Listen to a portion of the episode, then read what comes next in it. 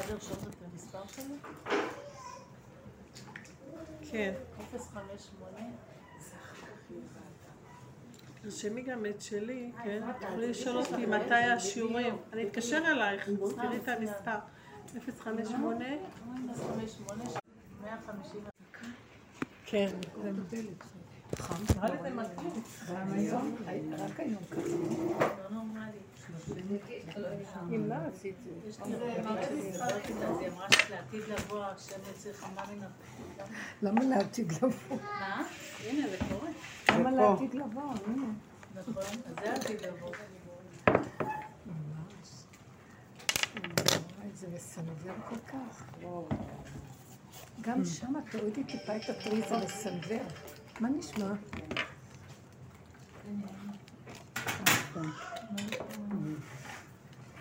יופי, תודה. ישר. תודה. טוב, תקחי מהכסף, אני יש לי מקום?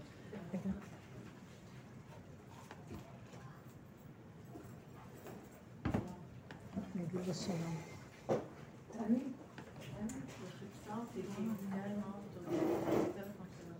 יש מים בלילה. זה מים חמים? צריך להעלות את זה, כאילו אם יש עוד קצת, ואז צריך להרתיח של צריך להרתיח. זה מים חמים, יש עוד קצת. יש קצת? יש פה כוס?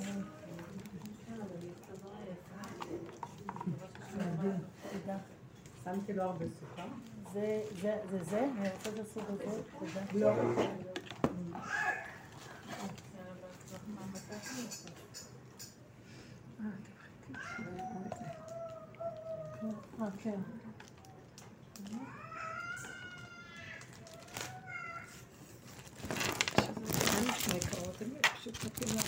השיעור. איך אתן? מה נשמע?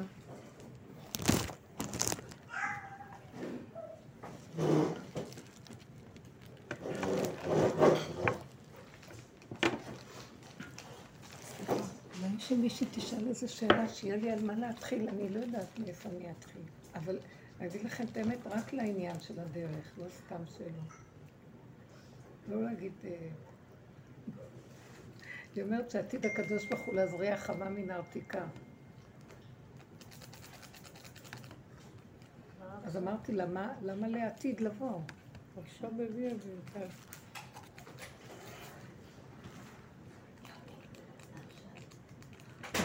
למה לעתיד לבוא? זה עכשיו, חמה מן העתיקה. מה זה חמה מן העתיקה? זה אור כזה ש... שאנחנו לא יכולים... סליחה, בסדר עכשיו? כן.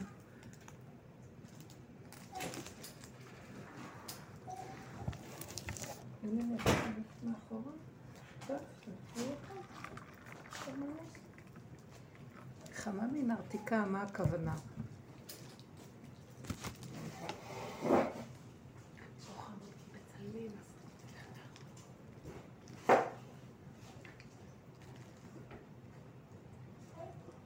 זאת אומרת שזה... החמה זה דבר מאוד מאוד טוב, נכון? אור. אנחנו עכשיו משתמשים באור החמה, אבל לא באור של החמה ממש. אנחנו משתמשים בקרניים שיוצאות מהחמה. העולם פה ניזון מה... מהזיו של החמה, לא מהחמה ממש. אי אפשר להכיל את האור של החמה. הזיו של החמה, אז אה, זה עובר דרך אה, סינון, ואז אנחנו מקבלים אותו. ולעתיד לבוא, הזיו, כאילו ירצה לרדת אור יותר חזק מהאור הטבעי הרגיל שאנחנו רגילים פה על הכדור. כי זה האור של הגאולה, זה אור יותר חזק מהאור הרגיל, שהיסוד שלו זה מהאור הגנוז. אז, אז אנחנו צריכים הכנה, שהאור הזה יכולים יהיה להכיל אותו. אז כתוב. אז איך אפשר שבן אדם יכיל אור כזה? זה מסוכן, הוא מתרסק מזה. אבל כתוב במפורש, צדיקים מתרפאים באור הזה, ורשעים מתרסקים באור הזה. מה פירוש הדבר הזה? למה שניהם יש להם אה, את אותם גופים, אז איך זה יכול להיות? אז אנחנו צריכים להבין שהמדובר כאן אה, על הכנת הכלים של האדם, הכנת הכלים, הגופים של האדם, שהוא יוכל להכיל את האור הזה. מה פירוש הכנת הגופים? פירוש שאנחנו בתודעה של הכדור פה, חטא עץ הדעת, אנחנו מושפעים מהפסיכולוגיה של עץ הדעת. והפסיכולוגיה של עץ הדעת מחלחלת לגוף, והיא מחלישה את הגוף. זה לא בגלל הגוף. זה בגלל שהפסיכולוגיה של עץ הדעת נותנת פרשנות ומשמעות מסוימת, והגוף מאמין לה, ואז הוא נחלש ממנו, הוא מקבל את מה שהיא אומרת לו. אתם מבינים מה זה? הוא מקבל את מה שהיא אומרת לו? אומרת לו, אתה לא מרגיש טוב, עברתי ניתוח. אומרת לי, ביי, נבהלה, אמרתי עברתי ניתוח. זאת רציתי לצאת לה ככה, אה, אה, זה היה לפני הרבה זמן, עכשיו את פה, מה את עוד מבוהלת? כי היא עוד חושבת על מה שהיה לפני כמה ימים, אז זה משפיע עליה עכשיו. הבנתם? אז הגוף שלה עכשיו רועד לה מהזיכרון של מה שהיה קודם. אתם קולטים מה אני אומרת? זה כמו בדיליי, אנחנו חיים בדיליי כזה כל הזמן. אתם יודעים מה זה דיליי? זה כאילו אנחנו חווים משהו אונליין, ואחר כך הדמיון לוקח, מרחיב אותו, מרגש אותנו, ואנחנו הולכים לאיבוד איתו. קיצור, מחליש אותנו. כך אנחנו חיים. ומפעם לפעם לפעם, זו התודעה שהתקבעה פה, מציאות של חרדות, פחדים, דמיונות, הערות, מחשבות, בהלות. אז עכשיו אנחנו, זה משפיע על הגוף. הגוף חלש, לא יכולים לעמוד בזה. אז זה מה שמתכוונים, שאלה שהולכים בדרך ועובדים, זה שיש להם חיים עם התורה באמת, לא רק תורה בקשקשת במוח. סליחה, אני...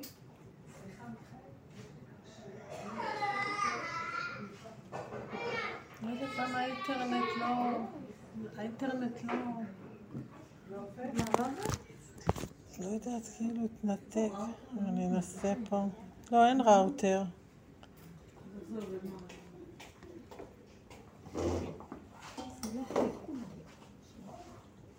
אז זאת אומרת שיש משהו, עכשיו אלה שהולכים בדרך, לא מספיק שאנחנו יודעים במוח, ואחר כך הדמיון משתלט לנו. לא חשוב שאנחנו באמת, וזה הפסיק. כן. לא חשוב שאנחנו באמת אה, יודעים תורה. אבל בא איזה ידיעה, בא איזה משהו, כל, כל הזמן רועד לנו. כל המציאות שלנו שקשקת לנו. אז אין לנו חוזק באמת, אנחנו לא מנצלים את הכוח הזה. אז הדרך באה לתת לנו כלים להתבונן ולראות למה אנחנו נחלשים כל כך. למה אנחנו אנשים חלשים? בחרדה כל הזמן, חרדים, חרדה, חרדתיות. זאת אומרת שאנחנו באיזשהו מקום, הדרך הזאת נותנת כלים איך, וזה העיקר של הדרך. זה נורא מפריע לי שזה לא מסודר. לא, זה בגלל הקליטה. אה, בסדר. העיקר של הדרך זה שמגיע לנו משהו, לא לזוז מהעכשוויות שלו, ולהיות עם העכשוויות ולהתחדש עם העכשוויות, כי כל רגע העכשוויות זזה. ולא למרוח אותה עם הסיפור של רגע קודם. לרגעים הבאים. ולעצור את זה. לא לתת למוח להגיד אוי, ואז אנחנו מרחפים עם המחשבה, ונוצר איזה ענן כזה ערפל, אה, ענן חשוך כזה, של דמיון וסערה, ותלוי במשמעות והפרשנות שהמוח נותן. זה יושב על הגוף, והגוף לא יכול להכיל את האור. הוא נבהל, כשמגיע אור של אמת, הוא נבהל. כי הוא כל הזמן בדיליי, הוא לא חי את האונליין. איך אני יודעת? מה, מה, מה רוצים מגוף אדם? משה רבנו היה בגוף אדם והיה מקבל את האור האלוקי. מדבר אליו ולא היה מזדעזע. זאת אומרת שהגוף כן יכול להכיל. הוא לא היה עם גוף אחר, היה לו אותו גוף. היה לו גוף גדול, אבל זה היה גוף אורגני. כמונו. לא כל העולם הזה זה אורות אלוקיים. רגע, לא להפריע לי. אז ה... הוא פשוט הביא את המוח שלו למקום של... שלא נתן לו, הוא פירק את עץ הדעת, שלא נתן לו בשום אופן להוריד, ו... להוריד את זה למצב של אה, משמעות של עולם. מה שרבי שמעון עשה במערה, הוא פירק את כל ה... והוא נשאר עם הנקודה הנקייה של הרגע החווייתי שמגיע. מחשבה שיורדת נקייה, מחלחלת לכלי המעשה ופשוט. היא לא יוצרת לו דמיונות, אין לו כוח המדמה. הוא לא היה נביא כמו הנביאים האחרים. כל הנביאים, כך אומר רש"י, כל הנביאים מת, מתנבאים על, אני חושבת שהוא אומר את זה בעת שכתוב שישעיה אמר שהוא ראה את השם על כיסא, שהוא ראה את השם, דמות יושבת עליו. ואז אמר יוש... אה, אמר לו מנשה המלך שהיה בתקופתו, אמר לו, איך אתה אומר, ואראה את השם יושב על כיסא, והלא משה רבנו אמר, שהשם אמר לו, ולא ירא, כי לא ירא מאדם וחי, והוא רדף אחריו והרג אותו. הוא ברח ואז הוא... איך אתה אומר כזה דבר? אז הרש"י אמר, כל הנביאים מתנבאים, ומה הייתה נבואתם? סוברים שהם יודעים, סוברים שהם רואים. ואילו משה, משה רבנו רואה, והוא לא יודע מה הוא רואה. הבנתם את ההבדל? הוא אומר, הם מדמיינים מה הם רואים.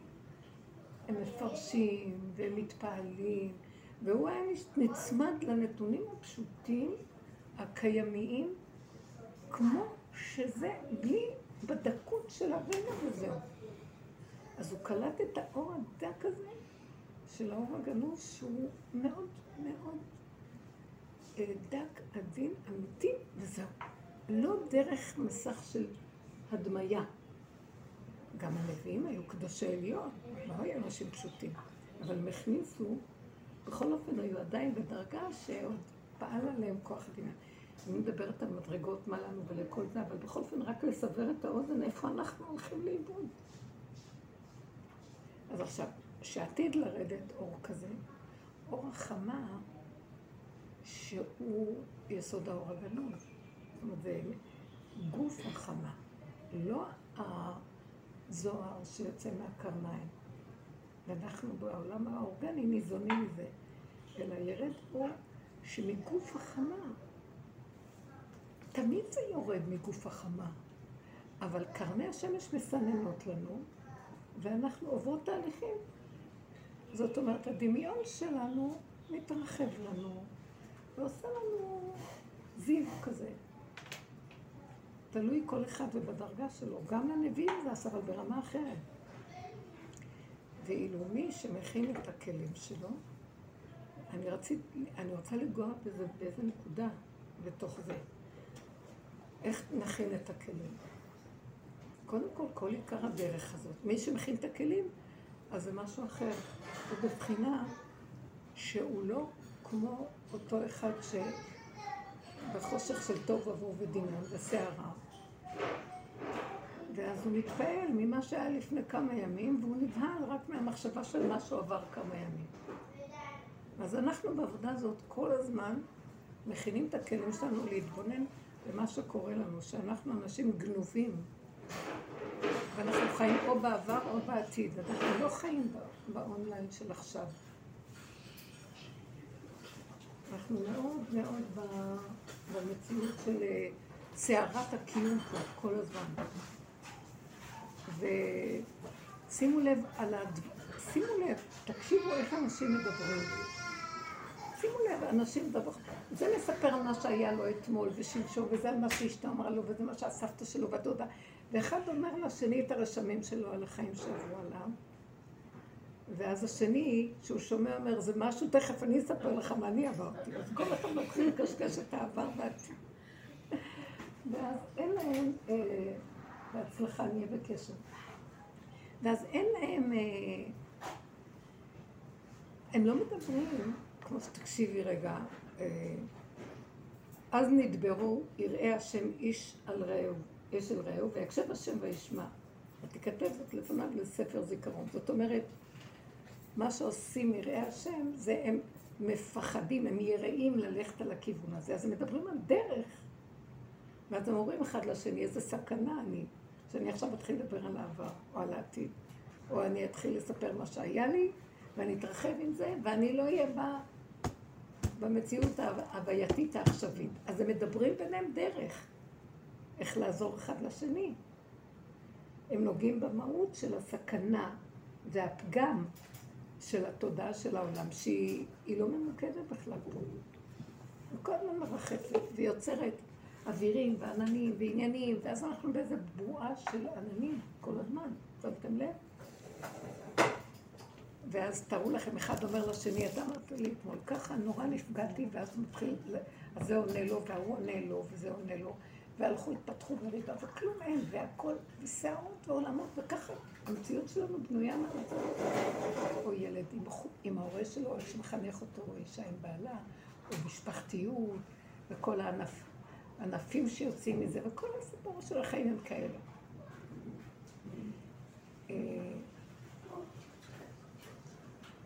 יש גם מדרגות אפילו בתוך המקום הזה, שאפילו בוא ניקח אנשים חכמים, נאורים. תמיד אני אוהבת לקרוא לזה שאישה נעלה, נעלה, נעלה, כמו בג"ץ כזה. לא סתם אמרו אישה נעלה. אה, שהם עלו מאוד ברמה גבוהה, אבל הם הלכו לאיבוד מרמה גבוהה. זאת אומרת, על אפשרויות של חירות האדם ומדרגות ועניינים וזה, ואין להם רגליים ובסיס על הקרקע לחיות את המצב העכשווי הקיומי של איך שאנחנו חיים פה ומה האמת פה. מרחפים מזה. ואז אה, כתוצאה מזה יוצרים חוקים אה, סדומיים כאלה, עם, עם ערכים מאוד מאוד גבוהים, אבל שאי אפשר לקיים אותם, ואז כולם משקרים לחוק וגונבים אותו, כי זה לא מעשי, אי אפשר לחיות ככה. אז המציאות שלנו בתוך כל הכדור הזה זה לדעת את הסכנה של התודעה הזאת ולהפסיק ולהחזיר את הכל לעכשוויות. אפילו אפילו החכמים, כשהם, להבדיל מהנעלות של העולם, שהם הם מנסים לברר את נקודת האמת בגמרא, והם אומרים בכו ובכו, ויש להם כללים, ויש להם כלים. הם גם הזהירו שלא, אה, אם, אה, אם, איך כתוב, אה, רבי עקיבא אמר לתלמידים שלהם, אם כשאתם רואים מקום שיש, אל תאמרו מים מים, אל תתלהבו ותלכו בחוק. שאם רץ לבך, תחזיר אותו לאחד. כך אמרו חז"ל במשנה, פרקי אבות. אה, אומר להם, המגיד ממזריץ', כשהוא היה רואה את התלמידים, הוא היה תלמיד של בעל שם טוב, כשהוא ראה את התלמידים שלו, מתפללים בכזה דבקות ועפים מהעולם, הוא היה לוקח את המקל ודופק אותו על השולחן חזק חזק, שיחזרו לפה. לאן אתם מרחפים? תחזרו. אנחנו לא מלאכים פה, מלאכים יש בשמיים.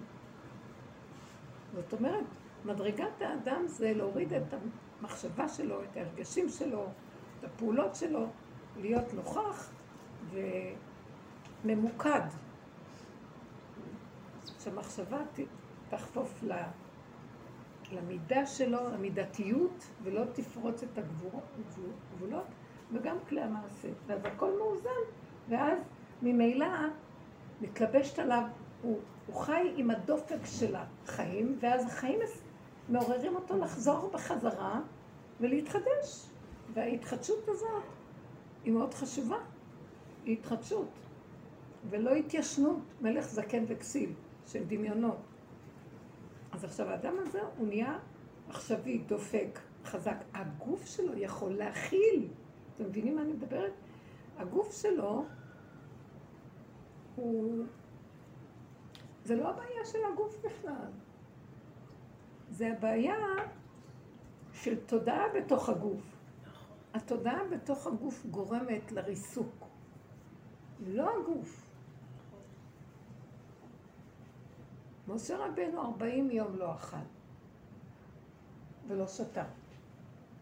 אני נותנת דוגמאות קיצוניות, אבל איך אנחנו חיים? אין רגע שלא עובר, אכלתי טוב, לא אכלתי טוב. חסר לי ויטמין, לא חסר לי, אולי אני אקנה את זה, זה זה, אולי הקומבינה של האוכל לא כזאת, אולי השיטה הזאת, זה השיטה. תקשיבו רגע, הוא לא אכל ולא שתה ולא צריך כלום, והגוף שלו הכיל אור. זה לא הבעיה בגופים, זה בעיה בצורה של כוח כזה שנכנס לתוך המוח ויונק ומרחיב ומאבד את האדם ממקומו הפשוט. זאת אומרת, לא נותן, הוא לא כלי בשביל גילוי, אה, הוא בסך הכל ברא אותו קופסה. בואו ניתן לכם דוגמה. כתוב, וייצר אדם, השם, אלוקים, את האדם עפר מן האדמה. יצר אותו עפר מן האדמה?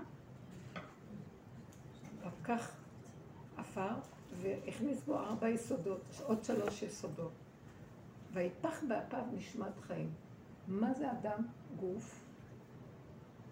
גוף מארבע יסודות, חומרים נקיים פשוטים, שהשם שם בו את האור הגנוז. רוח ממלא לאור הגנוז. איך יכול להיות על גוף כזה? גוף אורגני, גוף. איך? עוד לא היה עץ הדעת. והיה יכול לחבר את ההפכים האלה, ולא היה בכלל שום בעיה. עכשיו, אנחנו חיים, האור הזה הגנוז הלך, קיבלנו כותנות אור, מה שנקרא. קלקל הכל וירדנו למקום שהדמיון שלנו גורם להגשמה. זה לא הגוף מגושם, הדמיון מגשם. אתם קולטים מה אני מדברת? הגוף לא מגושם. גוף של תינוק מגושם, גוף של תינוק מגושם, את יכולה להגיד לגוף הזה גוף גשמי? איזה גוף אורגני, נקי, מתוק. בכלל את חושבת שזה מגושם בכלל. כי אין לו דעת. רק אוכל דגן, קבל דעת, מתחיל להסריח. זהו. אז המקום של ה... של ה... שעתיד הקדוש ברוך הוא להוציא חמה מן העתיקה, זה מתרפא בה. אלה שהכינו מה זאת אומרת הכינו כלים? אני אגיד לך מה, מה המטרה של כל הדרך. כל איך שאנחנו חיים, תודעת עץ הדת, היא עבודה זרה אחת גדולה. למה? היא דמיון שאדם חושב שהוא יכול ושהוא מציאות עצמית. ואז הוא מתרגש, מתרגז, יש לו מה להגיד, יש לו זה, יש לו גם בחירה, כאשר באמת ואז בזה הוא בעצם מפריד את מציאות אלוקות ממנו. הוא לא רואה שאין עוד מלבדו. אנחנו לא רואים את זה כל רגע. אני חושב, אני פועל לכבוד השם. זה יותר טוב מאשר לפעול בשביל משהו אחר, אבל אני עוד מצדיק אומר, אני לכבוד המצווה, לכבוד השם. כי זה הרע במיעוטו. חטאנו, קלקלנו, אז עכשיו זה צריך להיות לכבוד השם. אבל המטרה היא שהוא בכבודו ועצמו יתגלה, מה לכבוד? מגדל פורח באוויר למד. לא, הוא בכבודו ועצמו זורם דרך גוף האדם. זאת אומרת שאנחנו נמצאים כל הזמן, כל ימות עולם שיש את התודעה הזאת, יש הפרדה תמידית. מקסימום אדם חושב על השם, אה, עושה כוונות בתפילות להשם, מייחד את השם.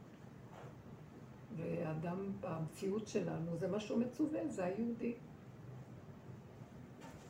אבל באמת, באמת, כל ימות עולם אנחנו נמצאים תחת מקום שאנחנו לא חיים באמת את האפשרות שהשם בתוכנו יורד עלינו. אלא אנחנו מבדילים, כי אני קיים והוא שם, ואני עובד לכבודו.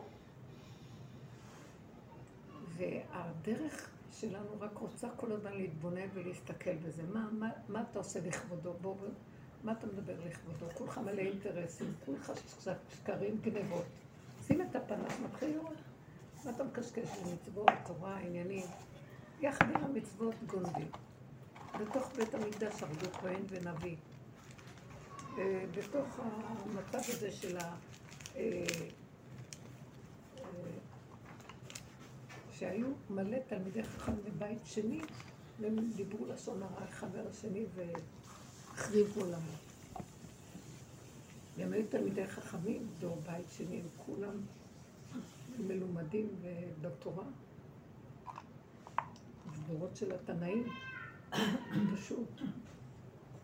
אז אנחנו צריכים להבין שהמצב הזה בעצם, כל, כל ימות עולם אנחנו כמו בסעיף של איזו עבודה זרה, שזה תודעת הדת, שמה היא, ונגדיר את זה, מה זה, זה, מה זה עבודה זרה?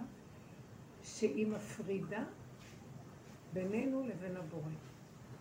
נותנת כוח לטבע, כאילו יש לו כוח בפני עצמו. אני עשיתי, גם השפה היא כזאת, אני עשיתי, אני מבין, אני יודע, אני לוקח, השפה. אבל זה, אני זה רק השם, והוא זה שמאפשר לי ללמוד, לדעת, להבין, להבין. איפה זה? לא, אז אנחנו, כן, בטוח, זה שמה, אבל אנחנו לא חיים את זה. זה אותה הפרדה. ומה זה יסוד עבודה זרה? שהיא נותנת כוחות, נותנת כוח לכוחות, ולא לכוח כל הכוחות. מה זאת אומרת? אבל אני עשיתי. מה זאת אומרת? אמרתי לאיזו אישה, צדיקה. משהו שגם, לא זוכרת מה, אבל אני זוכרת את התגובה שלה, אז היא אמרה, מה זאת אומרת? אבל אני עשיתי את המצווה, ואני פעמתי. בסדר? אמרתי לה, אני גם מרגישה, אני גם יודעת כמוך, אבל זה לא נכון. גם אני ככה, אבל זה לא, זה לא, בוא נפריד, בוא נלך לידיעה של אמת יותר גדולה. למרות שאני בדיוק באותו מקום, זוכרת, לפני הרבה זמן דיברנו. זאת אומרת שהמצב שלנו עכשיו, מה זה, מה זה שנחזור? שהשם דרכנו נראה בחוש בכלל, לא תהיה תודעה שחוצצת, שאם אני מרימה את היד, מי ירים את היד? בושר היה אומר, אני הרמתי יד, מי הרים את היד? הרמתי את הציצית, מי הרים אותם? מי מדבר, מי מעפה בכלל, מי נושא מעם? בכלל אין מציאות עצמית. אז הידיעה הזאת, היא מחלישה את הגוף של אני, שזה תודעת עץ הדת, שזה הדמיון העצמי שהוא קיים. ועכשיו, זה אנחנו יודעים, זה מה שאנחנו כל הזמן רואים, ועבודתנו כל הזמן להכיר שאנחנו תקועים בתודעה כזאת, כמה שפחות להאמין לה ולהזין אותה ולהתפעל ממנה. אנחנו כן, בתוך זה, אבל לפחות שבאים לדרך הזאת, מתחילים להתעורר ולראות, אה, כן, כן, נכון. ומזכירים לעצמנו כל הזמן וכל הזמן וכל הזמן. ולאט לאט מפסיקים להאמין בעצמנו גם, מפסיקים להאמין בהתפעלויות הרגשיות שלנו, מתחילים לראות שאנחנו בסכנה נוראית. מה, אדם אוהב לשמוע את עצמו מדבר ואומר, מה, מה אתה מקשקש? לא, כי הוא למד, הוא יודע. אז זה חמור לעשות ספרים. אנחנו מתחילים לשים לב לזה בדרך שלנו, וזה ההתעוררות. כשאנחנו מתעוררים ורואים את עצמנו, אז עץ הדעת, הדמיון שלו מתחיל להיחלש, כאילו אתה שם עליו פנס, והתבוננת על מקומו והוא מתחיל להתנדב, כי הוא כולו דמיון. העץ הזה הוא כולו דמיון, בעצם מה זה העץ? דמיון. הדמיון הזה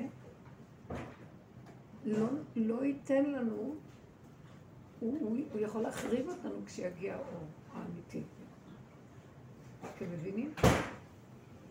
כמו שהנביאים שהיו מקבלים נבואה היו מתמוטטים בגופים שלהם, הם לא יכלו להכיל את האור. אבל משה רבנו יכול לעמוד. תקשיבו, זה, מה, אני, מה המדרגות שלנו בכלל, לעומת משה רבנו? אבל אתם יודעים משהו? אני אגיד לכם סוד חשוב. לקראת הסוף, הדורות האחרונים, מי, ש... מי שיבין יש סוד בדור האחרון, הוא יהיה כל כך אוטיסט, כל כך פשוט, כל כך אפס, שהוא יכול להגיע למדרגת משה רבנו בקרוב, הכי קרוב. בייחוד אם יעבור את ההכשרה של הדרך הזאת. אתם מבינים מה אני אומרת? זאת אומרת שהוא יתחיל לצחוק על עצמו ולעשות לעצמו פורים. מה? אתה לוקח את עצמך ברצינות, מה אתה עושה עניין? מה? מה? מה? ולעבור, והעבודה שלנו היא כל הזמן להתחדש ולהיות אונליין. רגע אמרתי, רגע יצאתי, רגע עשיתי, רגע ככה, רגע, כל רגע זה הנקודה שלו, בלי להתרחב על שום דבר. שימו לב, ולשים פנס עליו, ולא איך ש... אנחנו שומעים והמוח שלנו משוטט. עכשיו אני לא יודעת אם אתם פה בכלל. כי המוח משוטט שמה. ועוד פעם הולך, ועוד פעם המילה הזאת הזכירה לו משהו, אסוציאציות, ואז הוא נהיה רחב, מסתובב. מי יודע אם אתם לא בהונולולו או בשוויץ עכשיו במוח, חושבים שאני מאמינה לכם. כולנו.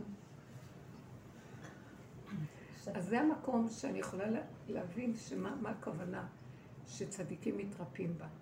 ומה זה מתרפים בה? זאת אומרת, האור הזה פשוט, תקשיבו, ברגע שהוא מתגלה, והכלי הוא, הוא נקי מהדמיון, הוא פשוט מחסל כל קליפה שיש מסביב, הוא מחסל את הקליפות, הוא מחסל את הרשעות, את הכל, כלום. אתם מבינים מה אני מתכוונת? הוא פשוט מרפא אותם, הוא מרפא. בקלות פתאום צריך לעשות דברים. אני אומרת, אוי, כמה קשה לי כוח לגשת למטבח. את לא חושבת כלום, עושה פועלת, פועלת, יוצא לך, לא מרגישים, כלום. הוא פועל, הוא מרפא לנו את הדמיון החולה הזה.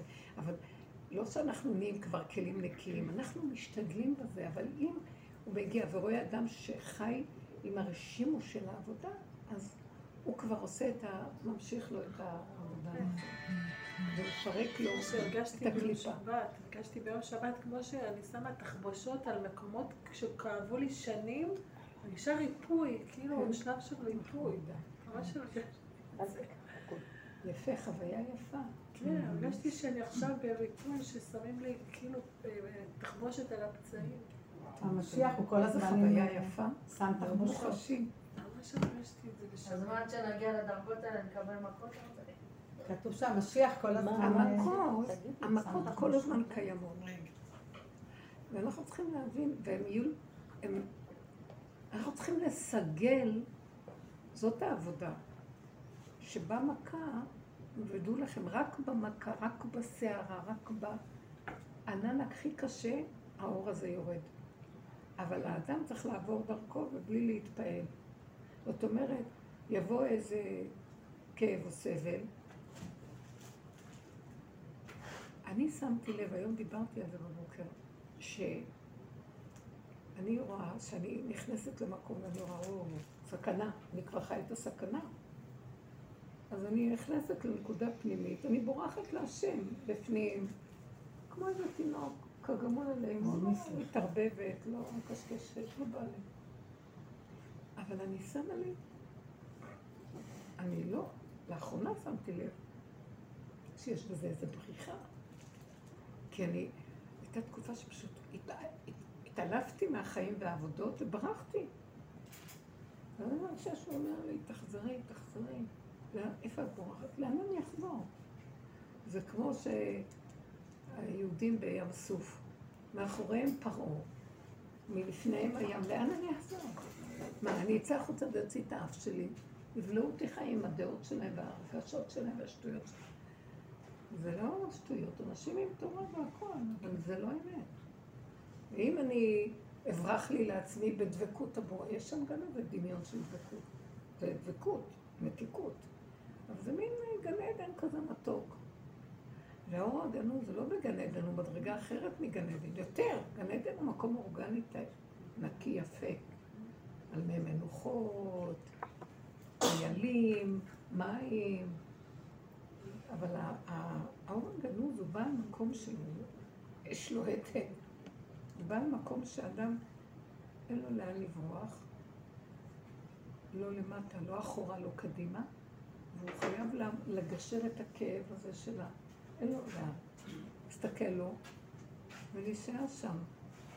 מי יכול לעמוד את זה? זה לרגע סבל. אבל שם הוא מתגלה ולוקח את כל הסבל ונעלם הכול לרגע. אתם מבינים מה אני אומרת? העבודה מגיעה למקום שהוא ממקד אותנו עכשיו יותר בדיוק. שאין לנו גם, אה, מחלקת השיקום הוא לקח. אני, אני ברחתי למחלקת שיקום. איזו תקופה הרגשתי שאין לי כבר כוח. לא רוצה עבודה, לא רוצה כלום. על מי מנוחות, כגמול עלינו, דבקות, מתיקות. אבל אה, יש משהו שכאילו מה... וכשזה קורה לאחרונה, אז אני מבינה, זה חוזר באמת הפסוק הזה. עתיד הקדוש ברוך הוא להוציא חברה מן העתיקה עכשיו. בגלל זה אמרתי לך זה עכשיו. הוא אומר, תעמדו חזק. זה לא מקום עכשיו לרחף לי, או לחפש אה, דבקות. זה מקום של נוכחות חזקה מאוד מאוד, ו... ולהכיל את... בואו, בואו, תתרגלו את זה, להכיל את הכאב ולא להתבלבל ממנו. הבנתם מה אני מדברת?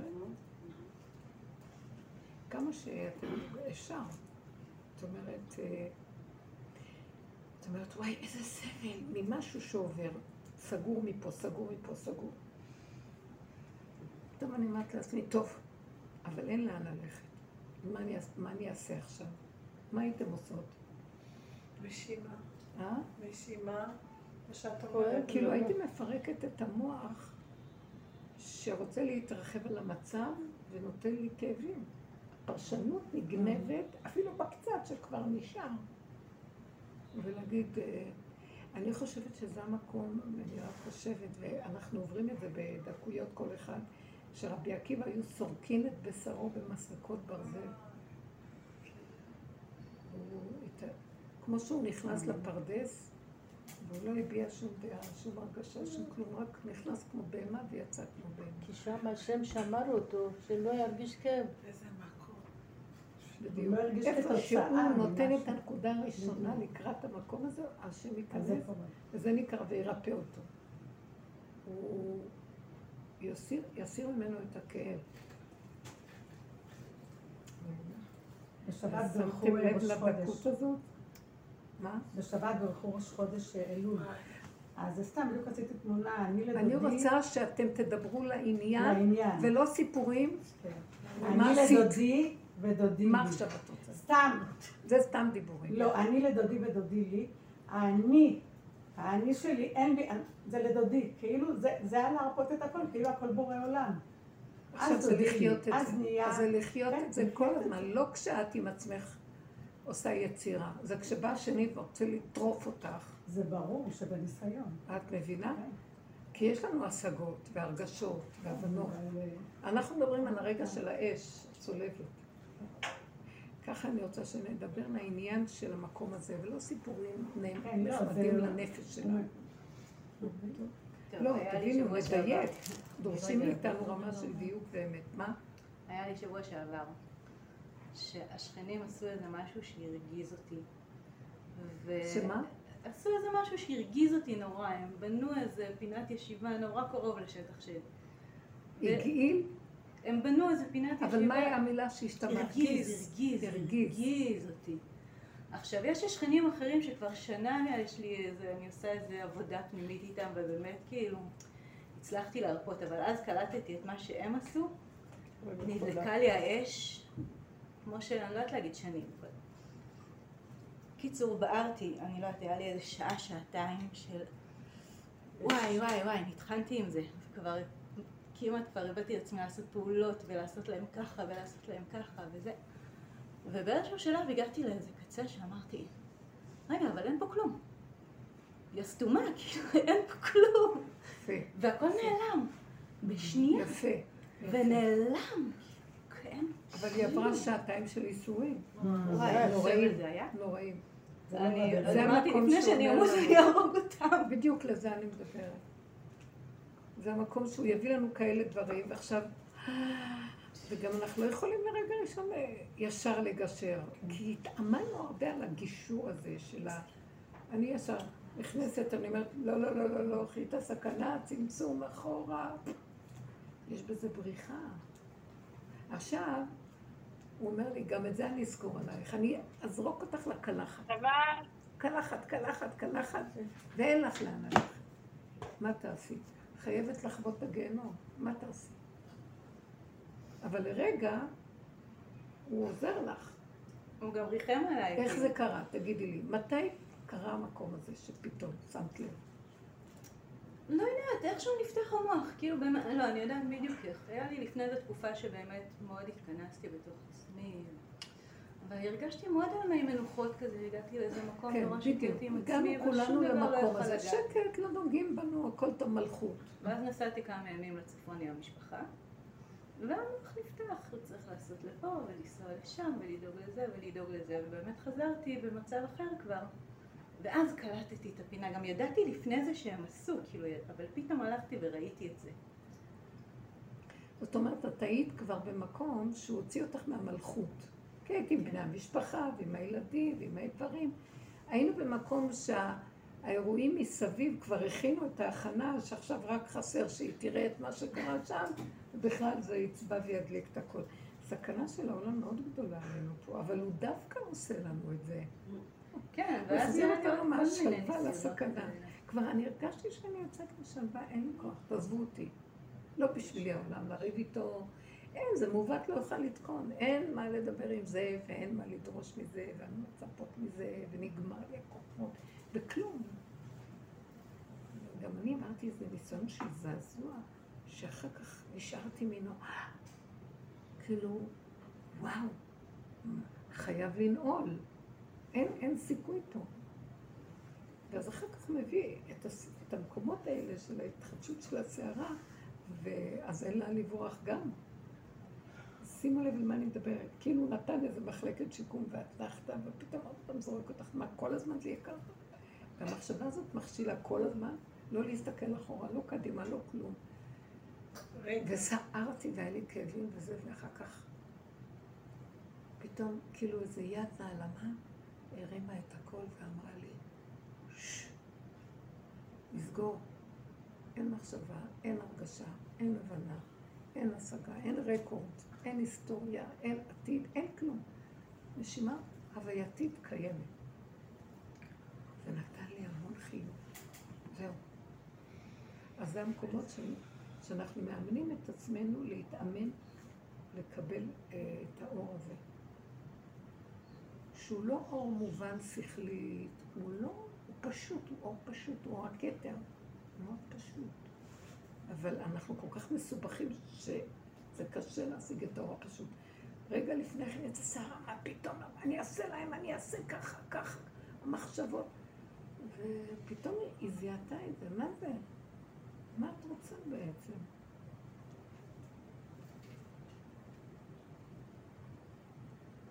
תארי לך שהיית באמת יוצאת ועושה להם. וגם הערך לשמיים. וגם עשיתי, אני גם יצאתי, לא ואחרי זה לא היה לי ביזיון. פתאום. גם, גם עשיתי, גם נכשלתי, גם ביזו אותי, גם הכל. וגם בסוף אמרתי בליבי, אז תודי בהכל ותישארי כמו כלום. אתם מבינים מה אני מתכוונת? כאילו ברגע אחד נמחק לי הביזיונות, נמחק מי הם בכלל, מי אני בכלל, מה כל הסיפור הזה. אין עבר, אין עתיד, אין מציאות, אין ממשות, וזהו. אז זה המעבר שאת מדברת. עליו? כן. זה המעבר שאת חייבת לעבור בגיהנום שאמרת, ואז הגיהנום זה כאילו אין לך לאן ללכת, זה כבר. שמה הוא לוקח אותך לבד.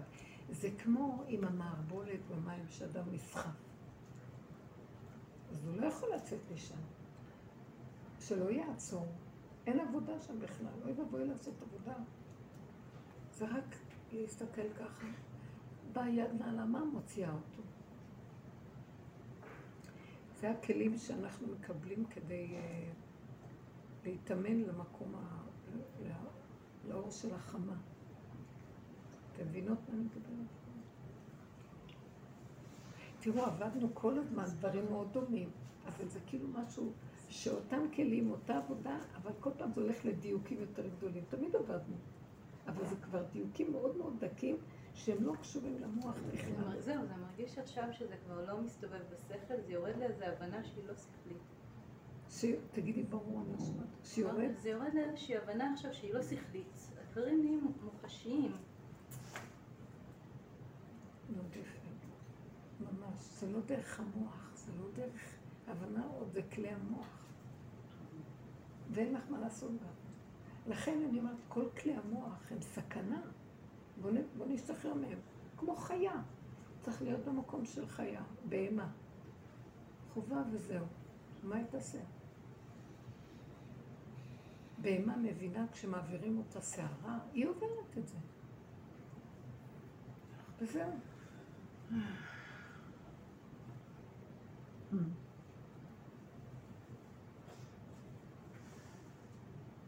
זה נותן, אה, זה מאמן את הגוף שלנו לחזור להיות גוף. אנחנו בכלל לא בגוף. אנחנו מרחפים, והמוח מספר לנו סיפורים, ומאמינים בסיפורים שלו, ותחושות, וחוויות, מרחפים, ודמיונות, חולי, חולי, חולי רוח, חולי נפש. והאור הגנוז זה אור הברית. פשוט, אין מאמץ שם, לא צריך להתאמץ, הכל נעשה. כמו שהנביא אומר לנו. אה, אוי כל צמא, לכו למים. איפה זה כתוב? בנביא אמרתי את זה, כן. יש לי את זה. אולי רק שנייה. הנה.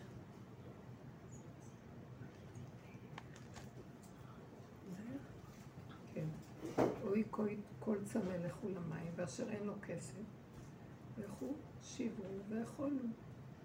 ולכו שברו בלא כסף, בלא מחיר, יין וחלב.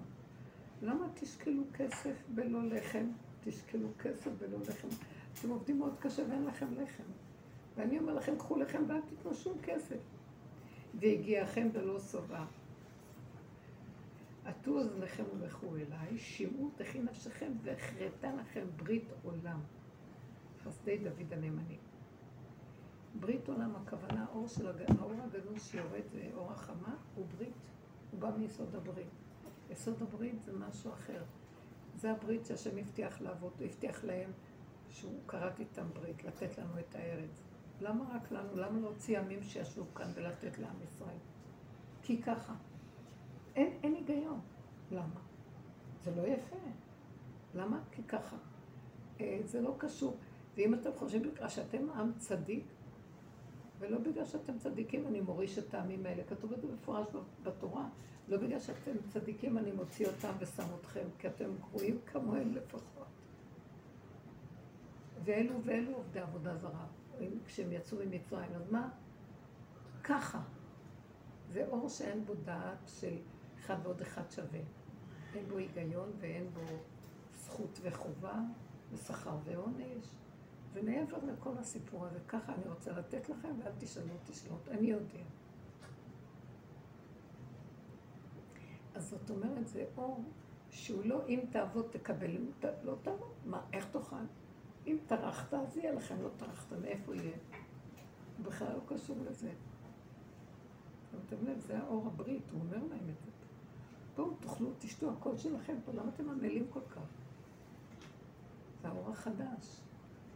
באמת אנחנו רואים שהדור החדש שבא לא רוצה לעבוד, לא רוצה, רוצה לקבל הכל בחינם, לא רוצים לעשות כלום. ויש להם איזה, ברקורד שלהם משהו שקולטים שאנחנו דורות של עמל ויגיעה לא נורמליים. היום ישבתי ומיינתי דפים של רשימות שעשיתי, תקועים לי באיזה מדף. ואמרתי, טוב, אולי מישהו יקרא את זה פעם, יבין איזה עבודה עשיתי, ואמרתי, לפח, לפח, ואני זורקת, אני זורקת. ו... ו... וכאילו, זה, זה, זה טלטל, כאילו זה, אותך. הכבדות הזאת של העמל, היא באמת, אה, כבר, זה תסבוך כזה של עמל, שזה כבר לא... פעם זה כל, כל עבודת היהודי, זה פונקציה רעה גם. בהחלט, בעץ הדת. לעמול, אלו ואלו עמלים, אלו ואלו רצים, כולם, זה לעומת... עכשיו, הקו, האור החדש נכנס באמצע, זה לא זה ולא זה. אז צריכים להכין את הכלים לזה. כי התודה לא יכולה להכיל, מה? אז איך אני אקבל אם אני לא אתאמץ? השתדלות, גם השתדלות הכי קטנה. פותחים פתח לפי סיבה. וצריכים, כדי לראות את הסיבות, לא להיות עם המוח אפופים בענני דמיונות, כי אז אתה לא רואה סיבה. כי אתה מדומיין ואף. אבל אדם שהוא נוכח, החיה רואה סיבות. אני, מה, מה זה, החכם רואה את הנולד. מה פירוש? אדם נוהג, בוא נגיד, נוהג, והוא יודע שעוד שתי רחובות הוא צריך לפנות שמאלה. עכשיו, אם הוא מרחף, הוא לא יראה את שתי הרחובות שמאלה, והוא נוסע. וזה שערני והוא עכשווי, הוא יראה עוד שתי רחובות פונים שמאלה. אז אתם מבינים? מה הוא חכם כל כך? הוא ערני. הוא רואה את מה שקיים לפניו, זה נקרא איזו חכם. שהוא ערני. הכל נמצא בבריאה, תראה.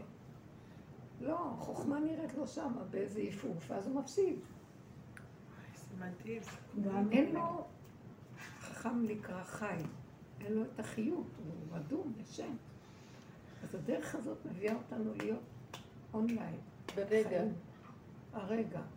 לא לתת לנפש ולמחשבות ולסערות לגנוב אותנו והולכים לאיבוד. זה גומר עלינו. אנחנו מפסידים את העיקר. הילדים שהמוח זה דמיון. הכל דמיון, זה דמיון. המוח כמה רק מסוכן. דבר פיזי שאת רואה, גם זה בסוף יתנדף מהעיניים, אבל כרגע הוא הכי קיים. הייתי לפני שנים בראשון לציון, סבלתי עם הגב. היו באים אליו משוויץ, מאוד אה, היה מטפל, אה, אז אה, הוא טיפל בי והוא הביא לי דפים הביתה שאני אקרא. וברגע הראשון אמרתי לו, אני חרדית, כאילו, מה הולך פה, מה כתוב פה? אז הוא אומר, לא, אין לזה קשר, וקראתי את זה בדרך שנסעתי בחזור. ואז הוא כותב שם, היו שתי אנשים שהם הלכו ל... לא הרגישו טוב. ממש סיפור חי שהיה. הם הלכו ל... ל... לעשות בדיקות לבית חולים, הרופא אמר צריך לעשות צילום. אז אה, עשו אה, צילום על הריאות, אז אה, בדיקה של אחד יצא שיש לו את המחלה וזה היה נראה מצב מאוד כבר ממש, אין לו הרבה לחיות. והשני, דלקת ריאות. השם שלהם היה מאוד דומה והחליפו את זה ונתנו לו את התשובות אה, הפוך. אז פשוט ככה זה היה, זה שקיבל את התשובות שיש לו דלקת ריאות והיה לו את המחלה. לקח אנטיביוטיקה והתרפא. והשני, מה שהמוח עושה לנו. כאילו, עשו ניסוי, פלסטין, יש את הכדור הזה, דמה, עשו ניסוי על אנשים. פלסיבו. כן, אז את הולכת לרופא ואת עושה בדיקות. תמיד אומרים, לא צריך ללכת, לפעמים לא בא לי צריך זה. לתת להורים הם שלי גם מכניסים את הפלסיבו. עשיתי בדיקה על אלרגיה. גם- יש גם סיפור הפוך שאיזה מורה אחד שהתלונן על... אלרגיה. מה? את מכירה את הסיפור על זה זה. המורה שמתלונן על תלמיד שהוא חייב? ריטלין.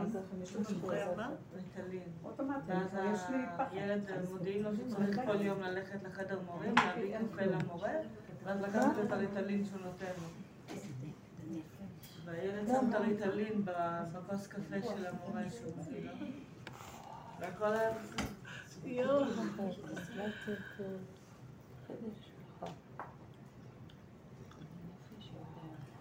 אבל יש פעמים שכן אה, בן אדם לא יודע, הכניסו לו משהו וזה זה כן השפיע. היה בעבודה שאחת שמה, וזה כאילו הרדים טשטש, אבל היא לא ידעה, היא שותה רגיל. ואני, מעניין, פחדתי לשתות את התה שהיא עשתה לי, אמרתי, אני לא יודעת.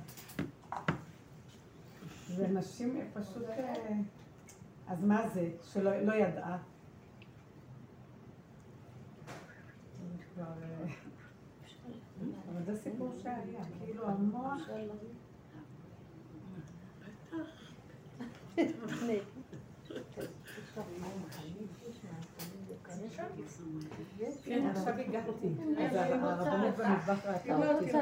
עכשיו עכשיו כשהגעתי, הרבנית ראתה אותי במטבח, מסתכלת עליי והיא אומרת לי, מה קרה לך רזית? אז כבר המוח שלי שהלכתי, אמרתי, לא, לא, אל תתני, אל תתני, הכל בסדר. ואני עוד הולכת ושואלת אותה, תגידי, רזיתי? מה זה?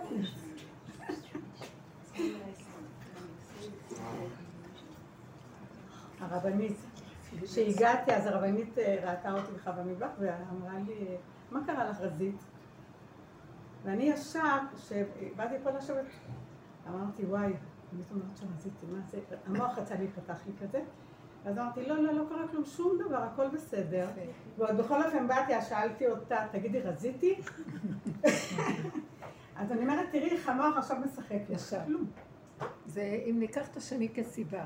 לא, זה השם עשה את זה, כי הוא רצה את הסיבה שאני אפרק עם עצמי. זה כל הזמן ב... זהו, זה השם דיבר דרכה, זה לא היא בכלל. אני צריכה עם עצמי לראות. כולנו? רק כלים, כולנו כלים וסיבות, בלי ממשות כן. של השם לנסות אותנו. אם אנחנו נכנסים במקום של עבודה, או שאנחנו מתחילים להתרחב אבל- ועושים מציאות מהמצב. אבל אם- אם- אה, אם יש לי, כאילו, כשאני יודעת שאני מקבלת מכה מהשם, אז אני בשקט, אם בורא העולם מקבל. אבל ברגע שאני מזהה שאנשים פועלים, זה לא משנה. אנשים אבל הם לא כלים של. השם. אבל אני לא מצליחה לעבור את המשוכה. את נותנת ממש, אנחנו נותנים ממשות לאנשים, כאילו אין מציאות בפני עצמם. זה השם שולח אותם. זה השם שולח אותם. אף אחד לא בא הנה להראות ממית, אחרת ממית. אף אחד לא בא בפני עצמו כמציאות. הוא תמיד אמצעי של משהו. לא. לא מצליחים, זה ההתאמנות. כי את נותנת ממשות לגוף, לדמות, למצב. דווקא הרבנית לא הייתה צריכה להגיד זה לי את. זה. זה כל העבודה, מהרבנית אני להרחיק. להרחיק את כאילו, הדמויות, להרחיק את הממשות. לבטל. תראי, היא פה. נתנה ממשות. אחרי המון המון שנים של עבודה והתאמנות והכול, שכבר יצא מזה, לא רוצה ממשות, לא רוצה עולם, לא כלום. פתאום זרק אותנו עוד פעם לתוך הסבך. ואני שמה לב לזה, אני אומרת, רגע, אחרי כל כך הרבה עבודה, אתה זורק אותי עוד פעם, כאילו לא עבדתי, מה אתה רוצה? אני, אני בורחת, לא בא לי. רגע. ואז אני מבינה פתאום שהוא אומר לי, זה לא שלך, זה שלי. תשארי לי בסערה, אני צריך אותך בסערה. אל תהיי מסודרת. ברחת לאיזה סדר, לאיזה שיקום, לאיזה מלכות. נתתי לך את זה, לתנק אותך ולשקם אותך מהסערה שבאמת עברנו המון מדרגות של עבודה. אבל בסופו של דבר, האור הזה החדש הוא בתוך הסערה. בתוך הסערה בת המלך, בעין הסערה יושבת. ואנחנו, אז הוא יביא אותנו. עכשיו, אבל אין לי כוח להכיל, אז הוא אומר, את רק תהיי שם, אני, מחז... אני מסדר את זה, בשנייה אני מהפך את זה. אני אומר לך, את מגלה, מה? אין כלום, לא אנשים ולא אף אחד. בלי אבל. לא, את אומרת לי לפעמים, תגידי להם, למשל ההורים, תגידי להם, תעמידי אותם במקום. ואני תמיד אומרת לך, אני מפחדת. עכשיו אני הולכת להיפגש עם אחד מהם מחר, תראי, ואני רוצה להגיד להם. בטבע יש, כשאדם רוצה ללכת בדרך שהוא רוצה ללך, אז מוליכים אותו. את חושבת שזה הם גורמים את המצב, אז תגידי להם. אבל את צריכה להגיד להם, כי את נותנת להם ממשות שלא כדאי לך להגיד להם. לא בגלל שזה מטעם העבודה שלך, שלא כדאי לך תפסידי את השם, זה מטעם שאת מהם. כן. אז הוא אומר לך, מה את מהם? כאילו זה עדיין עוד בטבע, אבל זה לעומת זה כזה. זה עדיף מזה. בדיוק. ובסופו של דבר יש דבר שהוא עדיף על שניהם גם יחד, וזה. שבכלל הם לא קיימים. מה את מגשימה אותם? ועכשיו הנקודה הרביעית שמגיעה, כבר הפסקנו להגשים, באמת אני כבר, אין לי כוח, אני מפחדת, אני חי את הסכנה שלי, חי במלכות שלי. ועכשיו הוא זורק אותי עוד פעם מהסערה. רגע, מאיפה אני עכשיו הגעתי? ועכשיו, אני לא חושבת מאיפה יהיה לי כוחות. רק- לאחר הסערה אני אומרת, וואי, ככה זה יהיה כל פעם? אבל באותו זמן שאני בסערה, נעלם השכל, נעלם, כלום אין. ותראי, היא תיארה את זה מאוד טוב. אני אהרוג אותם, אני אעשה להם, אני אגיש. להם, אני אתבע אותם, אני... כמו שאף פעם לא עבדנו. הגשמה הכי גדולה. עכשיו הוא מתגלה ולוקח את הכול. הוא רוצה להראות לנו שזה כבר לא קשור אלינו כאן כלום. אבל הוא רוצה להראות לנו דרך זה, כיתרון האור הכי גבוה שבא מן החושך הכי גבוה. אין שליטה, אין כוח, אין עבודות, אין כלום. זה כל העבודות. תעגלו את הסדר. וואי, זה קשה. אפילו אין לי עבודה לתת לכם פה, אין לי עבודה לתת לנו. יש לי רק מקום להגיד, אבל אה, פשוט הוא אומר, תתאמנו בלעבור את החושך. בלי מוח, בלי משמעות, בלי כלום.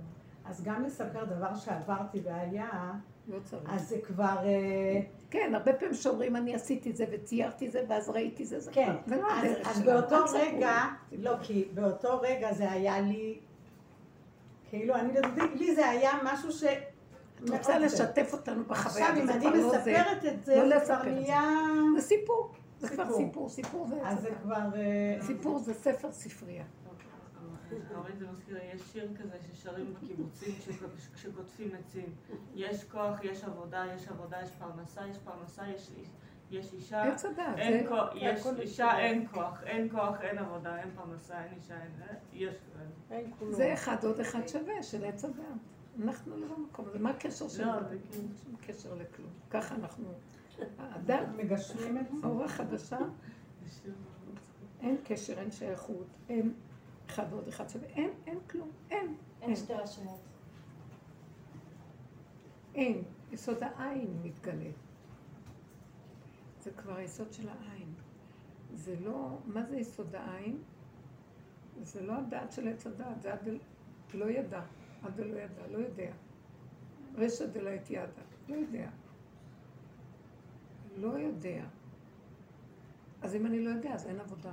אם אין עץ הדעת, גם נגמרת העבודה, כי עץ הדעת זה השיעבוד, זה עבודה. אין עבודה, אין עבודה, אין עבודה. אין עבודה, יש וואו. אז וואו, גם אין לי כוח להתפעל כבר. זה מה שאיפה שרבי עקיבא היה. גם כשהוא נכנס לפרדס היה ניסיון דומה. אל תתפעל. כי אם הוא יתפעל אז הוא יתחיל לסבור ולחשוב וזה יבוא לכפירה חלילה, או שיבוא למה שקרה לשלושתם. אחד כפר, אחד השתגע. איך יכול להיות שככה? זה היה סותר למה שהם למדו, מה שהם אה, השיגו שם כשהם עלו בעליית הנשמה. ורבי עקיבא נכנס כמו בהמה, לא יודע, לא יודע, לא יודע, אני רואה, אני רואה תמונה, ולא יודע, הולך, הולך, מטייל כמו איזה אוטיסט, מטייל ורואה תמונות. גם. במסריקות ברזל הוא התנהג ככה מבחינה רגשית. מה, זה תורה וזה שכרה? כאילו, התלמידים שואלים, התלמידים זה גם המחשבות שלו, ככה מגיע לך, הוא פחד מהמחשבות האלה. אי אפשר להכיל את הכאבים האלה, הכאבים אי אפשר להכיל אותם. אי אפשר, אין. אז הוא נתן את עצמו לנקודה, והנקודה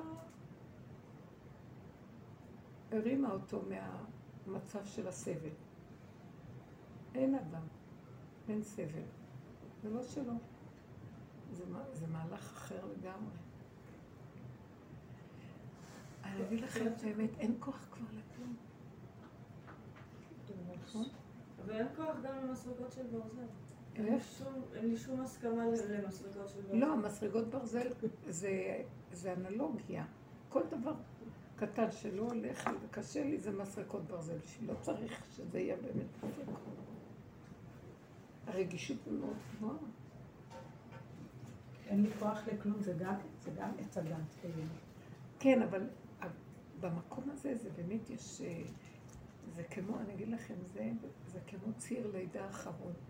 אפשר להתעלף שם, בלי פידורה. אין, זה לא דבר שאת אה, חושבת ואת עושה עבודה, אין כלום, משכנעת את עצמך.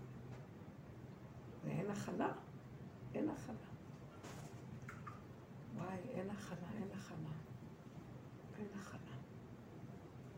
החושך הזה שעוברים, וואי, אני לא יכולה להגיד, זה כמו נחש עוקץ, ואין אין מה לעשות. ולפחות שמעת יודעת שאת עם השם. טוב, זהו, אני לא יודעת מה להגיד יותר. מה את אומרת? את אמרת? על אה, אמרת שהדרך היא בית מדרשו של שם ועבר. אה, לא, הם לא עבדו. ברמות של, אבל ברמות של נשמה, לא כמו שאנחנו בנפש. בתחילת הדורות לא הייתה תורה. אז הם למדו מהטבע, מהבריאה, את החוכמה של השם. חוכמת התורה רשומה בבריאה. הם ידעו את מערכות השמיים, והם הסתכלו על עצמם וראו שגם פה המערכות העליונות חופפות למערכות התחתונות, והם למדו את כל התנועה של האדם. נו מה? אז לא, איך הם ידעו? איך הם כאילו, ידעו איך מה? הם ידעו... נגיד, אה, את העבודה, כמו שאמר... העבודה הזאת היא לא... היא יורדת מהאור העליון. גם אנחנו קיבלנו אותה ממקום גבוה. רב אושר קיבל אותה גם. בעל שם טוב קיבל אותה מבית מדרשו של אליהו נביא. בית... כן. זה אורות של, אה, שקיימים בבריאה.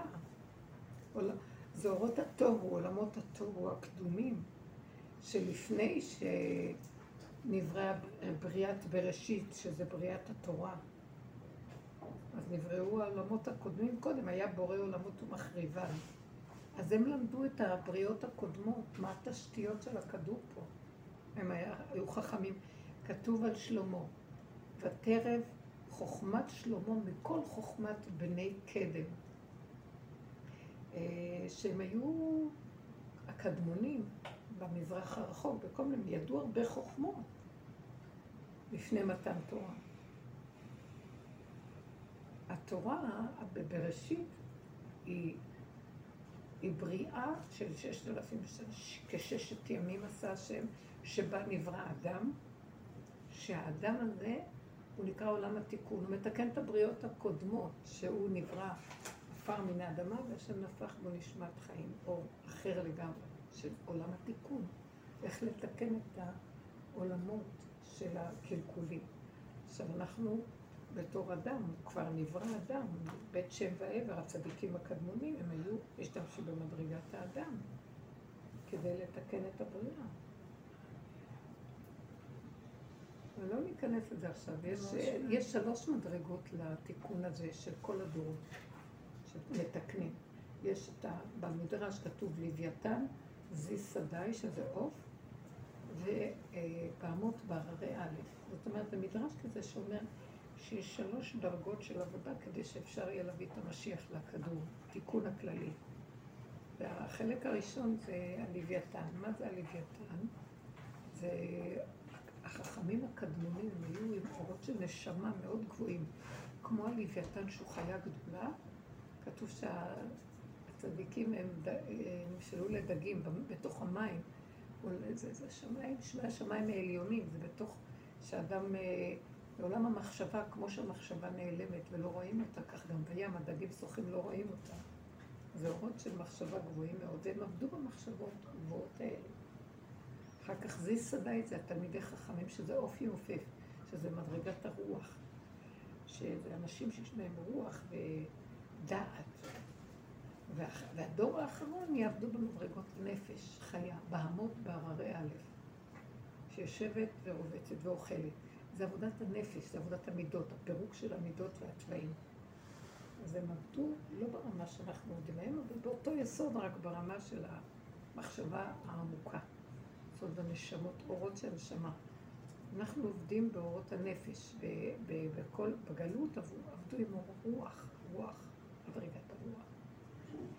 אני נותנת לכם, אז עכשיו אנחנו בסוף העבודה, החלקים הנמוכים של העבודה, עבודת הנפש.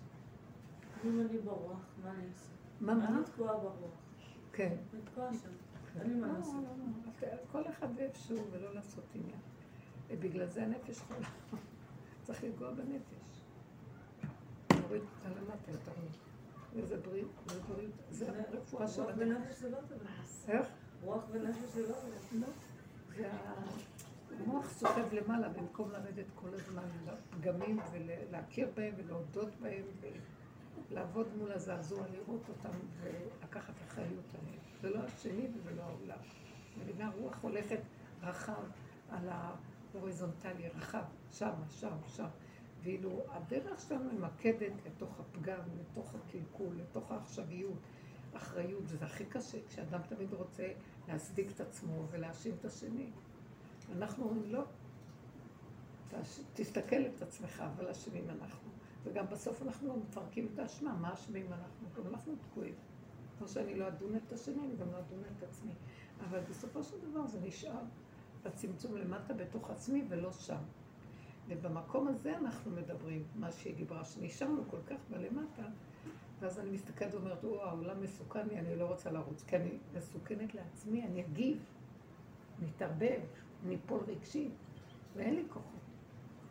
אז אני עושה ככה, ואני בשיקום פנימי ובדבקות עם עצמי. קלטתי, לא, מאשימה אף אחד וגם את עצמי לא.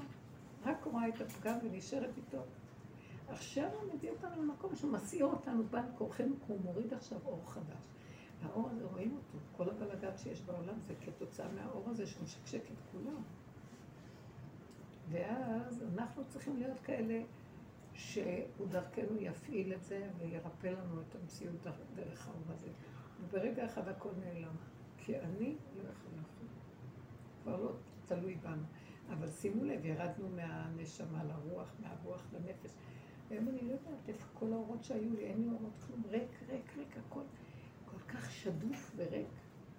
פעם היו לי אורות, לא חושך, רוב הזמן חושך, בחושך רוב הזמן. כמו בן אוכלת שאתה קשקשת, השם נותן לי את הדיבור אין לי כוח לכלום, פשוט. וברמה הזאת, פתאום החלטת איזה שערה, ומה עכשיו? גם כוח לעשות עבודה אין. גם הדעת נופלת, לא רוצה להתבונן, לא רוצה, נגמר כבר הכלים של העבודה. אז הוא אומר, זהו, מביא את הסערה הזאת כדי להראות לנו, רק תעברו דרכה, אני מתגלה. כל פעם זה, והעבודה שעשינו והתאמנו בה, זה שלמדנו לא לתת ממשות. ובאותו רגע את נותנת ממשות, אחרי רגע את אומרת, מה את נותנת לזה ממשות? מה קרה פה? ובעידנא דריתך שהזמן של הניסיון, קשה לראות שזה, שזה לא ממשי, זה נראה ממשי. אצל רבי עקיבא זה היה מהיר, הוא ראה מהר, הוא לא יכול. מיד ויתר על זה. קח לך שעתיים. לי לקח חודשיים. הוא ראה את הסכנה ישר, הוא חי את ה... זה ככה זה, וזהו זה, ואין מה לעשות. ועכשיו רק תהיו רפואיים. ורק אני, כשאני עוברת את זה, אני אומרת לה, אבל תחזיק אותי במקום הזה, כי אני גם את עצמי לא מחזיקה במערבולת. לא יכולה, לא יכולה כלום. לא יכולה כלום. רק תחזיק אותי שאני לא אברח, כי אני רוצה לברוח. מה לברוח? או לברוח להאשים את השני, או לברוח לפחדים שלי שאני לא רוצה עולם. ואני לא אעמוד בנקודה של עכשיו. תמיד זה השלוש אופציות.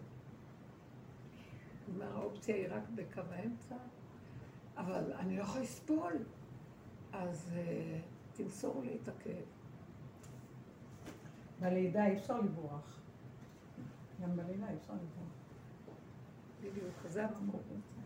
אז זה המקום שאנחנו מדברים עליו, וזה המקום שהוא מזריח עכשיו את האור הזה של החמה. תקשיבו, לא סתם. אור החמה כאור הלבנה. היום היה חם מאוד מאוד. עוד בירושלים. אומרים שבמקומות אחרים לא. לא היה כזה, לא היה. באמת, מאיר, היה מלא מטוסים בדרך, תמיד ומכבש. כן, חם מאוד, השמש חזקה. זה נשמע איך שאת מדברת, כמו שהתחלת את השיעור, ויפח באדם נשמת חיים. כאילו חוזרים למקום הזה, להתחלה. אנחנו מתים אליו, שיעשה מה שרוצה. נוציא מתים, ואז יהיה תחיית המתים, תחיית המת. בשניות זה הכל יכול להיות מה.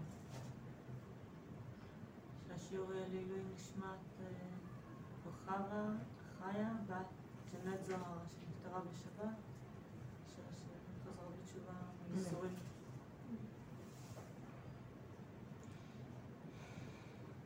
השם יעזור לעם ישראל, לכולנו. זהו. אם יש לכם איזה שאלה או משהו, אין שאלות מהשאלה. תכף שהיא תכבה את השיעור, נתחיל לדבר. עד עכשיו הייתה הצגה. ממש הדגש לו. זהו. איך היה בסדר? אין שאלה כי אין תשובה. השיעורים האלה הם מתנה ממש. וואי וואי. חמודות שלי, נשמות אותם. לא נעים היה לי להגיד בשיעור ככה. מה נעשה, תגידו לי, באמת? קודם כל, אה, די, החופש הזה שיגע אותי.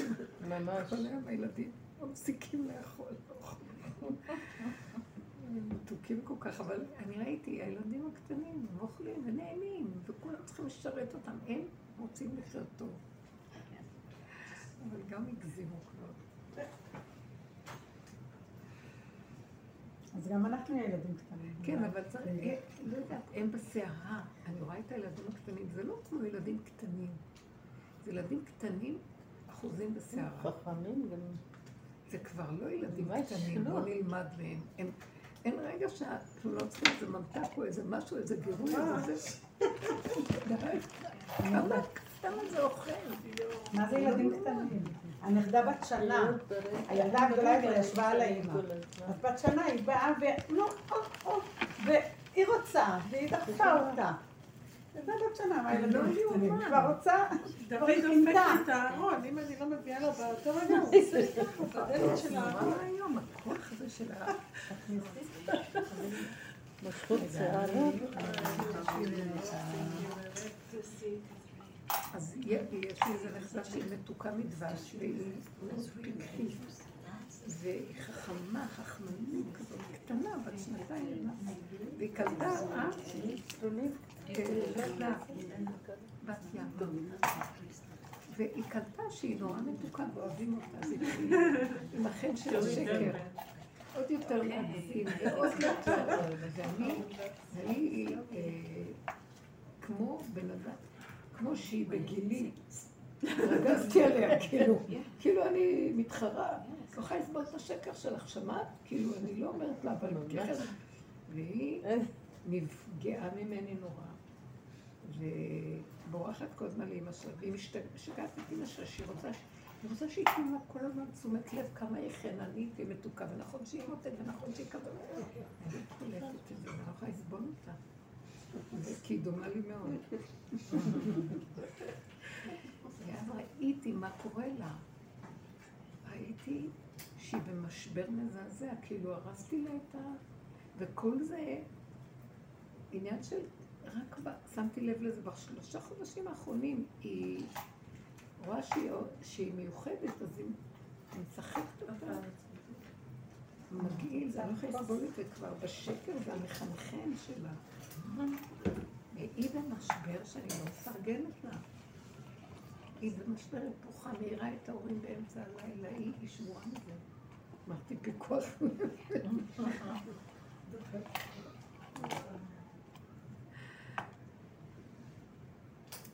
קשה. ראיתי מה זה להוציא את הבני אדם מהשקר, וזה עוד בכלל לא התחיל להתקבע תואר, תמימות, נקיות. בקצת הזה כבר התקבע לה שזה למות עכשיו להוציא לה את זה. אתם יודעים איך אנחנו חיים? איך תוציאי לה? שנים של שקר שנספג לנו בעצמנו. אבל איך תוציאי לילדה את זה? איך? איך את מוציאה לה? איך אני אוציא את זה? תקשיבו, זה לא שאיך אני אוציא את זה. אם היא הייתה תחת חסותי, כן. אבל היא תחת חסות ההורים, לא. והם לא קולטים את המצב הזה, והם מפרגנים לה את המצב הזה. והם משיקות, משתגעים עליה והכל, ומה אני אלך להילחם עם זה? אבל אני לא יכולה לסבול לראות את זה. אז אמרתי בסוף, דיברנו עם האימא, והיא קולטת, אמרתי לאימא, את הורסת אותה, סליחה שאני אגיד לך. אני יודעת שאת, אה, כולם נמשכים אליה, והיא מתוקה מדבש, ו- אבל אה, זה אכזריות של ההורה, שכיף לו לפרגן הרגע, ואחר כך הוא קורא לעצמו קבר שלא יכול לצאת ממנו בסוף. הילד הזה הופך להיות בלתי נסבל. ככה זה כולם, הילדים הפכו להיות, זה דור של ילדים בלתי נסבלים, כי הם התארגנו, כי אין מודעות למצב הזה, אין הכרה. הסכנה של השקרים שלנו. מה זה לא שלא שהשקר ניתן? להם אהבה. לא זה. זה לא שלא ניתן להם אהבה, אבל ברמה נכונה. אבל לא מדברים על זה. לא מדברים על... אין עולם. אין עולם, העולם לא מוכן את האמת, לא מוכן את הדרך, הם נעלבים ההורים, מה את מעירה, מה אני לא יודע לחנך, מה אני... לכו, תעזבו אותי. הרבנית, מה זה שהשקר ינצח, אז אז משיח יבוא. שהשקר ינצח. כן. הנה מה שקורה עכשיו. כן. הבן אדם כבר לא זוכר שהוא משקר, הוא חושב, הוא. אה, אמר את זה איזה. רב, ואמרתי, יש בזה משהו. אמר את זה איזה רב גדול, שהשקר ינצח, אני לא יודעת מה התכוון, אבל... די כבר את, את? מרגיזה אותי. אני- קודם אני כל אמרת שיש אני- רב אחר חוץ ממני. דבר שני, ואת מתייחסת למה שהוא אמר, כאילו, תורה מסיני. אנחנו לא, אני מדברים על דברים שואלת, הרבה יותר אני. חכמים. הנה נתת וגם תשובה. דבר שלישי אמרת, אני לא יודעת למה הנה הוא נתת מתכוון. תשובה. רק אני לא אמרת סובלת שזה רב, אותך. אז זה כבר. אחרי כל כך הרבה דרך, ושאת חווה דברים מה את לא יודעת מה הוא התכוון? לא רואה? שמעתי את זה, ועכשיו הרבנית נתנה את התשובה. אבל זאת הנקודה שאת יודעת בעצמך. נכון. מה זאת אומרת שאת עוד מקשיבה לרבנים? לא, אני לא מזלזלת, אני רק. אומרת שהם עוד מדברים מהדעת כן. הגבוהה, ואנחנו חיים על הבשר. מה, את לא רואה את השקר? אני, של עצמי. אני רואה, אתם לא יכולות לתאר לעצמכם מה אני. כל מילה שאני מדברת פה יוצאת מהשקר הכי גדול שלי. לא, אנחנו אתם יכולים באות להבין פה, את זה? כן, אני גם זאת רואה אומרת, את זה, נכון. רק כשאני יפה. מודה שאני השקר הכי גדול שיש, הוא מוציא לי את המילים הכי גבוהות שיש. איך אני רואה את השקר? לפני שאתן באות, אני אומרת, מה יש לי להגיד להם? הם יודעים שככה עבר עליי, שרצחתי חמש מצד ימין ושש מצד שמאל, וכמעט את זה איך אותי, והיו לי מחשבות של גניבה וזה, מה, מישהו יודע מה קורה פה, מאיפה לי, מאיפה אני?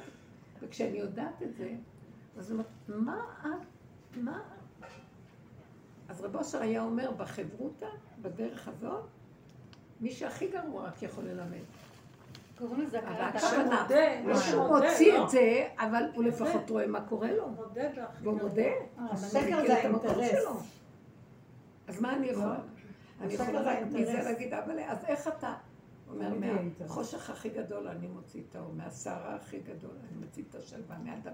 דבר והיפוכו. הנה, מהחושך הכי גדול יצא הרבנית. האור חדש על ציון תאיר. ממה יצא? זה מהחושך הכי חזק. קוראים לזה בעצם... אה, אז מה, קוראים לזה בעצם הכרת הרע. הכרת הרע. שאני מודה על האמת ביני לבין השם. כן, ההתבוננות בשלילה כל הזמן. כי החיובי הוא פי שניים. הוא רע שמתכסה בטוב, ואילו הרע אומר אני רע. יותר קל לזהות אותו. תמיד יישאר האינטרס. נבלה מסרחת. כולם בורחים ממנה. תלמיד חכם שאין תוכו כברו, אז נבלה טובה ממנו. למה? כי הנבלה מסריחה וכולם בורחים, והוא... יש כיסוי שם, וזה קשה מאוד הדבר. בדיוק כתוב בפרשה, אתם- אז אנחנו לא צריכים באמת אה, חלילה להיות, אה, להזיק, כי הפחד תמיד בתורה שאנחנו נוציא את השלילה ונזיק. אבל החוכמה היא לקיים את מה שהתורה רוצה, שלא נזיק, אבל שעדיין נראה שבתוך כל זה שוכב לו שד הכי מזיק שיש. שאם התורה לא הייתה אומרת לי, אני הייתי עושה בדיוק הפוך. לא, הבן אדם אומר, לא, אני צדיק. הוא חושב שהוא... לא. התורה ניתנה רק לאנשים שביודעים שהולכים להזיק. אז השם אומר להם, אל תחשבו שבגלל אה, שאתם צדיקים אתם יורשים את הארץ הזאת. רק בגלל שככה אני נותן לכם, בגלל האבות. אבל אתם יותר גרועים מכולם. עובדה שאתם קיבלתם את התיקון הכי גדול, לתקן את יותר העולם. גרועים, זה מי שהכי האינטרס. גרוע מתקן. זה האינטרס שתמיד יישאר האינטרס מחטא עץ הדת. האינטר... לאדם יש אינטרס, אז זה כאילו רע, מה, מה יש לך אינטרס? האינטרס הוא, אם נתבונן לעומק שאנחנו, נראה לנו פה הכי הכי, אומר, האינטרס, לכן, לכן, שימו לב מה דיברנו היום. סוף דבר הכל נש- נשמע.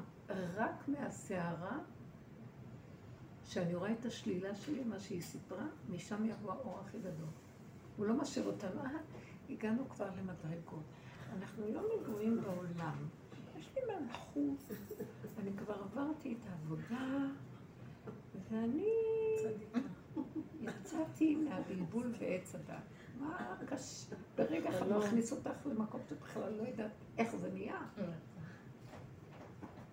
זה הסוף? זו לא מבינה, אחרי כל העבודות, איך זה טוב, תן איזה יציע, איזה במזרח מקום לשבת עליו קצת, לעשות ככה, משהו. לא, לא יוצאים עם, עם חיובי או עם איזה מדרגה, יוצאים בג'יפה, הביוב יוצאים. מי אמר שהאישה לא הייתה אחרת מביאה, ברגע האחרון האדם גונב שהוא משהו ומפסיד את הכול. האישה לא הייתה רגע, רגע. כהן גדול כן, נהיה מדבר. צדוקי באמת? אחרי שמונים שנה, ששימש בקודש. השער כהן גדול, איזה סכנה. השער היחיד שממנו אפשר לעלות לכותל זה משער האשפות. משאר המת? כל שאר השערים יורדים. חמור. הבן שלי אה, בשבת לפעמים מחזיק ילדה אוטיסטית, אה, ילדים כאלה, אה, זהו, בכסף, אבל... אה, אז אה, הוא אומר לי שלפעמים הם משתוללים, זה קשה, אבל הילדה הזו שעכשיו הגיעה, רק דבר אחד מרגיע אותה ככה מאולם, ואז היא רגועה שעות. היא מסתכלת, אה, יש, אה, איך קוראים לזה? אה, השופכין, המים שופכים מה שיורד. ביוב. היא מסתכלת על זה, שעות היא יכולה להסתכל והיא בשקט. הם הכי אוהבים לשחק עם השירותים. כן. כן, וגם הילדים הקטנים. דוד כל הזמן בורר תודה רבה רבה. הצדיקות שלי, תודה. וכל אישה, יכולה לה- להאמין את זה, כאילו כל אישה שתחשוב, שימו לב, ברגע של הלידה, איזה ג'יפה, הכי ביוב שיש בעולם. אישה לא הייתה מביאה ילדים לעולם, אם לא היה לה את האינטרס, כל אישה שהיא תהיה זקנה ויהיה מי שיעזור לה, ש- שזה. כל אישה, אם היא תיכנס עמוק עמוק, כך שמעתי את זה, ו- וזה נכון. מה עם אלה שבחרו וזה לא נכון, כי ילדים? למה להביא ילדים ובכל הזה וזה, את רוצה, מה? מה? יש, יש, מה איתה? אה, אתם לא מסכימות?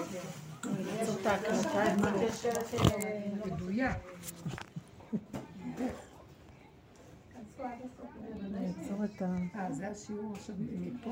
או ש- לא, גם